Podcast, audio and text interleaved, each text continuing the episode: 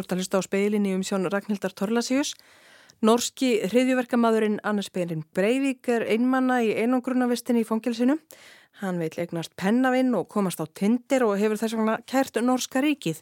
Gísli Kristjánsson í Noregi fylgist með réttarhaldunum við ræðum við hann á eftir og líka við Ásu Skúladóttur, stjarnæðilisfræðing við, við háskólinni Flórens á Ítalíu. Hún leitar upphafsins í dvergvetrarbrautum og hefur til þess 520.000 ljósleiðara klukkustundir. En við byrjum á gasa. Bandarísk stjórnvöld halda áfram að þrýsta og ráðamenn í Ísrael að koma í vekk fyrir frekara mannfall almennra borgara á gasa. Umleitanir þeirra hafa verið eins og stökva vatni og gæs. Það heyrir var til tíðinda lengur að Antoni Blinkan, þeirra bandaríkjana, leggi leið sína til ríkja í miðausturlöndum. Hann kom í dag í sína fjörðu heimsókn til Ísraels frá því að stríðið á Gaza braust út í oktober. Að sögn frettamanna í fylgdarliðir á þerrans var erindið engum tvíþætta þessu sinni að leta leiða til að koma í vekk fyrir að stríðið breyðist út um heimslutan og að fara fram á við stjórnvaldi Ísrael að koma í vekk fyrir frekara mannfall almennra borgara á Gazasvæðinu. Á fundi með frettamönnum áður en Blinken og Ísak Herzog fórseti Ísraels báru sama bækur sínar hvaðst Blinken að undanförnu hafa rætt ástandið við leiðtóa Tyrklands, Greiklands, Jórdaníu, Katars, samainuðu arabísku fyrstadæmana og Sáti Arabíu og kannadleiðir til að koma í vekk fyrir að átökin breytist út um heimslutan. Efni þeirra viðræðina hvaðst hann ætla að kynna fórsetanum, Benjamin Netanyahu fórsetis ráð þeirra og fleiri hátt settum ráðamönnum. Herzog fór á fundinum hörðum orðum um Suður Afrikumenn fyrir að hafa kært Ísrael til alþjóðadómstólsins í hag fyrir ment þjóðarmorð í Palestínu. Málið verður tekið fyrir síðari þessari viku. There's nothing more atrocious and preposterous than this lane. Actually, our enemies, the Hamas, in their charter, call for the destruction and annihilation of the state of Israel, the only nation state of the Jewish people. Það er fátt grimdarlegra og fráleitara en þessi ásökun. Reyndar krefjast Hamas samtökin, óvinnir okkar þessi stefnuskrásinni að Ísraels ríki, eina þjóðríki gýðinga, verði útrýmt og eitt, saði fórsetin. Hann sakaði Suður Afrikumennum hræstni og sagði að málsfarar Ísraels ætluðu að mæta til réttarhalsins og kynna með stolti rétt þjóðarinnar til sjálfsvarnar samkvamt alþjóðalögum. Gert er ráð fyrir að niðurstaða alþjóðadómstólsins líki ekki fyrir fyrir en að nokkrum árum liðnum. Á frettaveg arabiska dagbladsins Al-Arabi Al-Jahid kemur fram í dag að Ísraelska sjómarpstöðin Keset 12 hafi fyrir því heimildir að Hersi Halevi, yfirmaður Ísraelska herráðsins og fleiri hátsettir yfirmenn hafi tjáð Benjamin Netanyahu og fleiri ráþærum í Ísraelska hermálaráðunetinu að stríð sé við það að brjótast út af vesturbakkanum. Á lokuðum fundum hafi þeir greint frá því að ástandið hafi farið síverstandi síðustu mánuði og sé við það að springa. Ástæðin er fyrst og fremst efnahagslegar þrengingar þar sem misbrestur hefur orðið á að heimila palestinskum verkamönnum að komast yfir til Ísraels. Samkvæmt Kesset 12 hafa talsmenn Ísraelskra leini þjónustustofnana þar á meðal sinn bett var að stjórnvöld við að uppreysn eða intifata kunni að vera yfirvofandi. Samkvæmt samantækt bresku mannúðar og aðgerðarsamtakana gegn ofbeldi með vopnum og AVAF léttust eða særðust fleiri almennir borgarar í heiminum í loftárósum, sprengingum eða skotríð á síðasta ári en nokkurt annað ár frá 2010. Langflestir fjalluða særðust í árásum Ísraels hers á Gaza frá því að stríðið braust út 7. oktober. Gogn A og AVAF sína að alls létust eða særðust rúmlega 33.800 manns í fyrra. Það eru 62% fleiri en árið 2022. Þeir hafa ekki verið fleiri frá því að samtökin fóruð að sapna gognum um manntjón af völdum áfbeldisverka þar sem vopnum er beitt.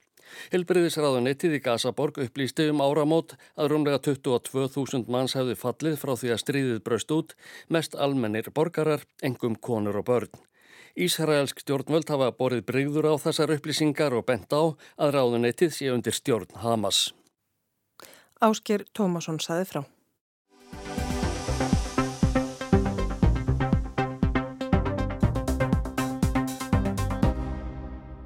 Annars Bering Breivik, illremdi hreifverkamaður norski og fjöldamorðingi, hann hefur kert Norska ríkið og núna standa yfir réttarhöld í því máli og Gísli Kristjánsson, fréttarittar í Noregi, hann hefur fylst með þessu og þetta er nú ekki í fyrsta sinn sem að Breivik uh, gerir þetta. Hvað er það sem að hann vil? Hann vill fyrst og fremst frá betri aðstæður í, í fangelsinu og þá meira frelsi til að hafa samband við fólku utan fangelsis og svo líka innan fangelsis en En hann er sagt, dæmdur glæpamaður og, og er í öryggiskeslu sem getur varað í alla æfi hans. Hann, hann er undir ströngu eftir liti, fær ekki að hafa sambandi við fólk nema það sé litið eftir því og hann fær ekki að hafa tölvu samband við út fyrir samfangelsið og hann fær ekki að skrifast á við fólk sem hann eh, kynntist eftir að hann framti hýðuverkið af fólk sem hefur áhuga að hafa sambandi við hann en þekkt hann ekki áður. Þetta er mjög stramt og hann fær, eh, já, hann situr reynilega bara inn í einangrun. Það er nú orðið hansi langt síðan að þetta var, þessi hýðuverk árás hans í eh, Ósló og úti. Hann er búin að sitja inn í raun og veru í einangrun í 12,5 ár, þannig þetta var 20. júli 2011 þannig að hann er búin að setja inn í, í 12,5 ár og hefur aldrei komið út á þeim tíma annað en bara þegar hann er fluttur í domsali eða milli fangelsa og þannig að einangurinn er raun og veru algjör og virðist hafa komið honum óvart í hann ímyndaði sér að honum er í tekið fagnandi. Hans aðstæður í raun og veru, þetta er náttúrulega erfitt að vera í einangrun en hann draf 77 manneskjur það er fullt af fólki sem að býr við verri kost út í samfélaginu, er það ekki? Ég menna, hann hefur það bara, hann, ég menna, hann er með, hann er með á, á góðar aðstæður.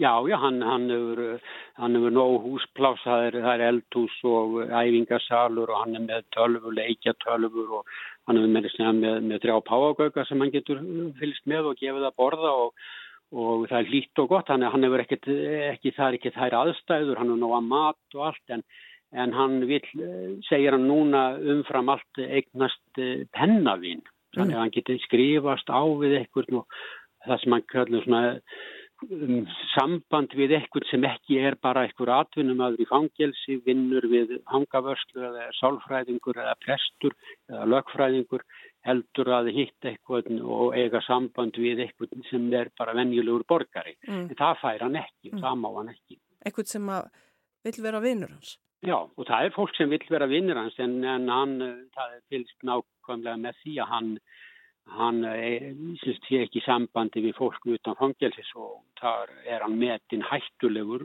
og getur haft áhrif og, eru dæmi þess að hann hafi haft áhrif á, á hriðiverka, menn eins og gerðist á Nýja Sjálandi 2019 og hér í við Ósló líka 2019 þar sem menn eh, trúðu á Breivik og held að nú væri að hefjast eh, kynþáttastríð og þeir eru að grípa til aðgerða.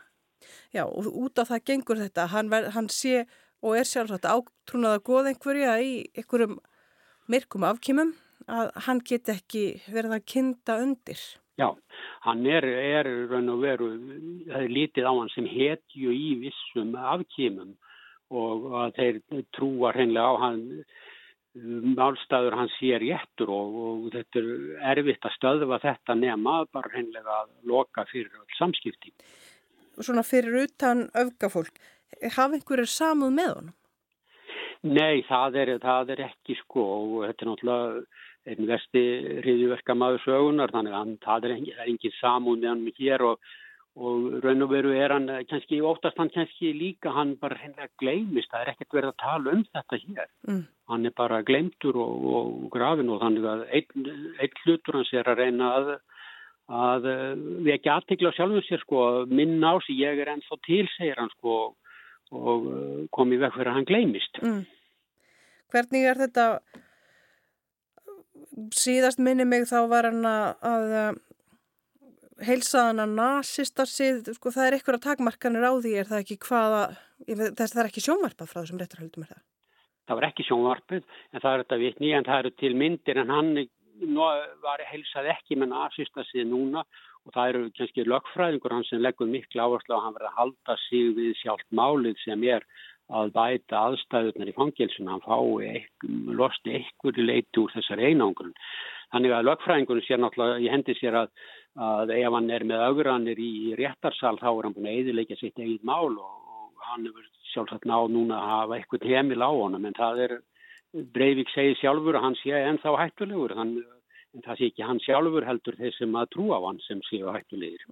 Ég sá að hann hvertað undan því að hann vildi komast á tindir, hann fekk ekki komast á tindir.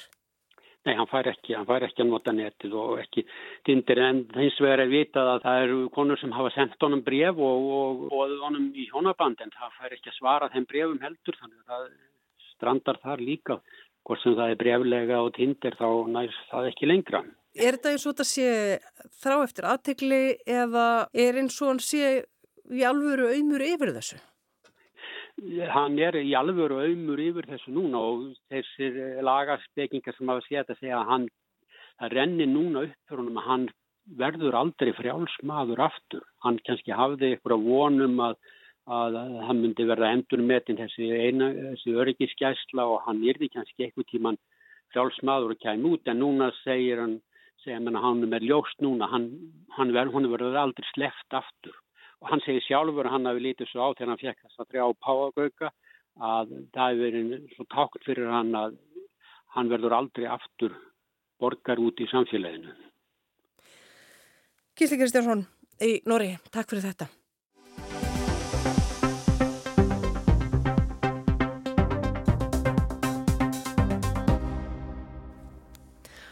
Ása skóladóttir, stjarnæðlisfræðingur við háskólan í Flórens á Ítalíu, leitar upphafsins í dverg vetrarbrautum. Hún hefur fengið til rannsóknana útlutað 520.000 ljósleiðara klukkustundum í sjónika í Chile og veglegan styrk til að ráða fleiri vísindamenn til að vinna úr gognum sem berast allt til ársins 2029. Dvergvetrabrautir eru bara nákvæmlega eins og orðið gefið til kynna, bara litlar vetrabrautir. Þannig að vetrabrautir okkar, hún er svona stór vetrabraut með svona fallum disk og örmum eins og þau hafið sér myndir af öll. En í kringum vetrabrautin okkar eru margar litlar vetrabrautir á sporbaug, bara alveg eins og jörðinar á sporbaug um sólina. Og núna þekkjum við 70 dvergvetrabrautir á brautum um hérna, vetrabrautin okkar og við búist við að finna ennþá fleiri á komandi árum. Og af hverju ert að skoða þetta? Hvað finnst þið spennandi við þetta? Já, það sem ég finnst rosa spennandi við dvergvetrabrautir er það að þær eru fyrsta lagi algengustu vetrabrautinnar í heiminum. Svo eru þær allavega vetrabrautinnar í kringum í nálaðu við okkar. Þær eru allar rosalega gamlar og það eru sumara fyrstu vetrabrautunum sem mynduðist í heiminum. Þannig að það er svolítið algengt að fólk haldi að til þess að skoða fortíðina þurfum að fara rosalega langt í burtu í rosalega fjarlæga vetrabröytir en þessar vetrabröytir eru bara eins og fornminjar hérna í gardarum hjá okkur sem við getum skoða til að kynna okkur og læra á hvernig fyrstu stjórnurnar í heiminum voru, hvernig fyrstu vetrabröytirna mynduðust og erum að læra svolítið um upphaf alheimsins. Þú ert eiginlega að leita upphafinu? Já, að mér vissi leiti sko. Það sem ég, svona, eitt af því sem ég finnst skemmtilegast að skoða er hérna hvernig voru fyrstu stjörnunar í heiminum. Þannig að það er kannski eitthvað sem að fólk er ekkert að hugsa mikið yfir kaffiballanum en málið er þannig að hérna fyrstu stjörnunar að eftir stóra kveld, fyrst var stóri kvellur og stóri kvellur bjóð til allt vettni og heljum en það var ekki til neina þingri frumöfni. Það var ekki til nefn kólefni, það var ekki til nefn ját, það var ekki til nefn vettni og heljum. Og þá, af því að efnasamsetningin er önnur, þá eru eiginleikar fyrstu stjarnana öðruvísi heldur en stjarnana sem við sjáum í dag.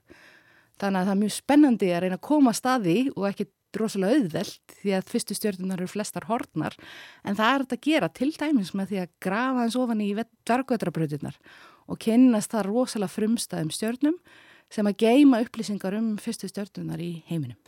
Og þú ert meðal annars að fara að skoða sko, hvernig fyrstu frumöfnin eru þau þá til? Já. Akkurat sko, þannig að við vitum til dæmis að fyrstu stjórnunar byggur til rosalega mikið af kólefni og freka lítið af játni. Þess það sem við erum að gera er að maður skoða rosalega litlar, rosalega gamlar stjórnur sem er raun og verið mynduðst bara úr gasinu sem hafi verið mengað bara fyrstu stjórnunum og engu öðru.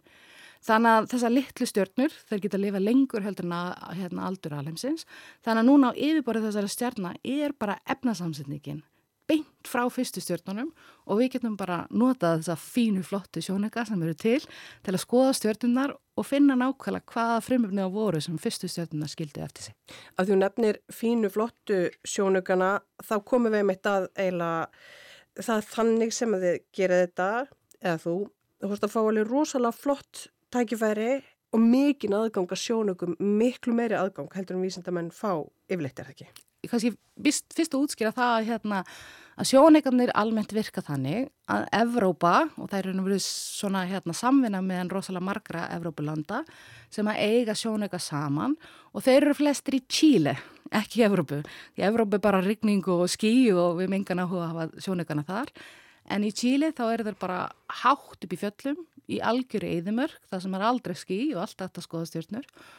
Og til þess að fá sjóneika tíma þá þarf maður að sækja um hann því það er náttúrulega bara 365 nætur ári og við viljum nota sjónækana fyrir bestu vísindin. Þannig að mér hefur gengið mig vel að fá sjónækatíma að hinga til en kannski sérstaklega fyrir stóra verkefni mitt sem að hérna fekk nýlega styrk frá Evropaska rannsóknaráðinu að þá er ég að fá eitthvað sem heitir 520.000 ljósleðara klukkustundir. Það er í raun og verið samsvara því að ég geti skoðað 520.000 stjörnur í einn klukkutíma eða færri stjörnur í lengri tíma, skilur. Þannig að markmið hjá mér er að skoða 130.000 stjörnur í þessum dvergvetrabrautum bara til að reyna að skilja allt um þær. Við erum að reyna að skilja eiginleika fyrstu stjörnana, svo ætlum við að reyna að skilja bæði hvernig önnur frumefni eru til og skilja bara hvernig frumefnin byggðust upp í gegnum aldur alheimsins og kannski síðast en ekki síst þá er þess að dvergveitrabröytir, þær eru bara órjúmanlegu hluti af sögu veitrabröytarinn okkar því að veitrabröytin okkar, hún byrjaði sem miklu minni veitrabröyt en svo með samruma við svona litlar dvergveitrabröytir þá var hann alltaf stærri og stærri og stærri og stærri Þannig að með því að skoða allar þessar litlu dvergvetrabröytir getur við rauninu sett saman söguna á vetrabröytinu okkar alveg frá upphafi og fram til dagsins í dag. Og þessar vetrabröytir sem eru núna á sporbögum okkar vetrabröyt, það er væntanlega eitthvað tíman verða síðan súgast inn í hana. Já, það er hluti af spurningunleika sem við erum að spyrja hvaðar eru nálagt því að detta inn í vetrabrautina. Sumar eru greinilega það verið að slíta þær í sundur og við sjáum í raun og veru bara slóð stjarnar sem að liggur á eftir hérna brautinni þeirra af því að vetrabrautin eru að toga í þær og rýfa í burtu stjarnar sem eru ístar og auðveldast að toga í burtu. En svo eru aðrar sem líta bara út fyrir að vera fullkomlega ekki nei, undir neinum áhrifum á vetrabrautinni En okkur grunar ef við fyrir að skoða það í mér í smáadrum þá sjáum við svona fyrstu merkin um, um þessi, þessa eðileggingu af vetrabröytinu okkar og þetta er eitthvað sem er ekki hægt að rannsaka eins nákvæmt í fjarlægari vetrabröytum. Af því þess að dvergvetrabröytir eru svo litlar og dauvar að meiri þess að nálagt okkur er ennþá svolítið erfitt að gera það en við getum það. Þannig að við erum að rannsaka sem við getum bara rannsaka hér en á við væntalega um allar vetrabröytir aðra sem eru svipaðar og stóra fallega vetrabröytin okkar. Þú færð þessa sjónugatíma, þú ert búin að fá styrk til þess að ráða fólk í vinnu, flottan styrk Já. og hvað svo? svo er bara ótrúlega mikil vinna. Við erum að fara að fá sagt, gögnin og það er kannski eitt sem ég held að fólk átti sig ekki alveg á að sko gögnin minn byrja bara að koma 2025 En ég byrjaði að vinna í þessu verkefni 2019 og þá þegar varu annað fólk búið að vera að vinna í þessu verkefni, skilur, að byggja tækið sem ég er að fara að nota og það í allavega tíu ár þar á undan. Þannig að skalatnir eru rosalega langir, tímaskalatnir. Þannig ég byrjaði að fá gögnin 2025 og svo er ég bara að fá gögn stöðut alveg til lok 2029. Þannig að á þessum tíma er ég bara stöðut að fá gögn sem ég þarf að greina, bæði til að fá allar upplýsingar sem við þurfum og svo reyna að skilja þau og nota þau til að að læra það mest, bæði fyrir mig sjálfa en, en að sjálfsögðu fyrir vísindasamfélagið í heilsinni. Þannig að stjarnælsfræðingar þurfa að vera þólinnmaður? E, já, það, er, hérna, það er að sjálfsögðu líka minni verkefni sem takast eitri tíma og svoleiðis en þessi stóru verkefni þau taka allir ára tíu sko. Því þetta er yfirlt eitthvað, það var eins og var sagt við mig þegar ég, hérna, þegar ég var í að gera doktorsverkefni mitt og ég var eitthvað eitthvað smá hvert yfir því að þetta væri erfitt og, hérna, og átti einhverjum vandraðum við eitthvað og þá var mjög skynsum kona sem saði við mig já, ef þetta verið auðvelt þá var ég búið að gera þetta.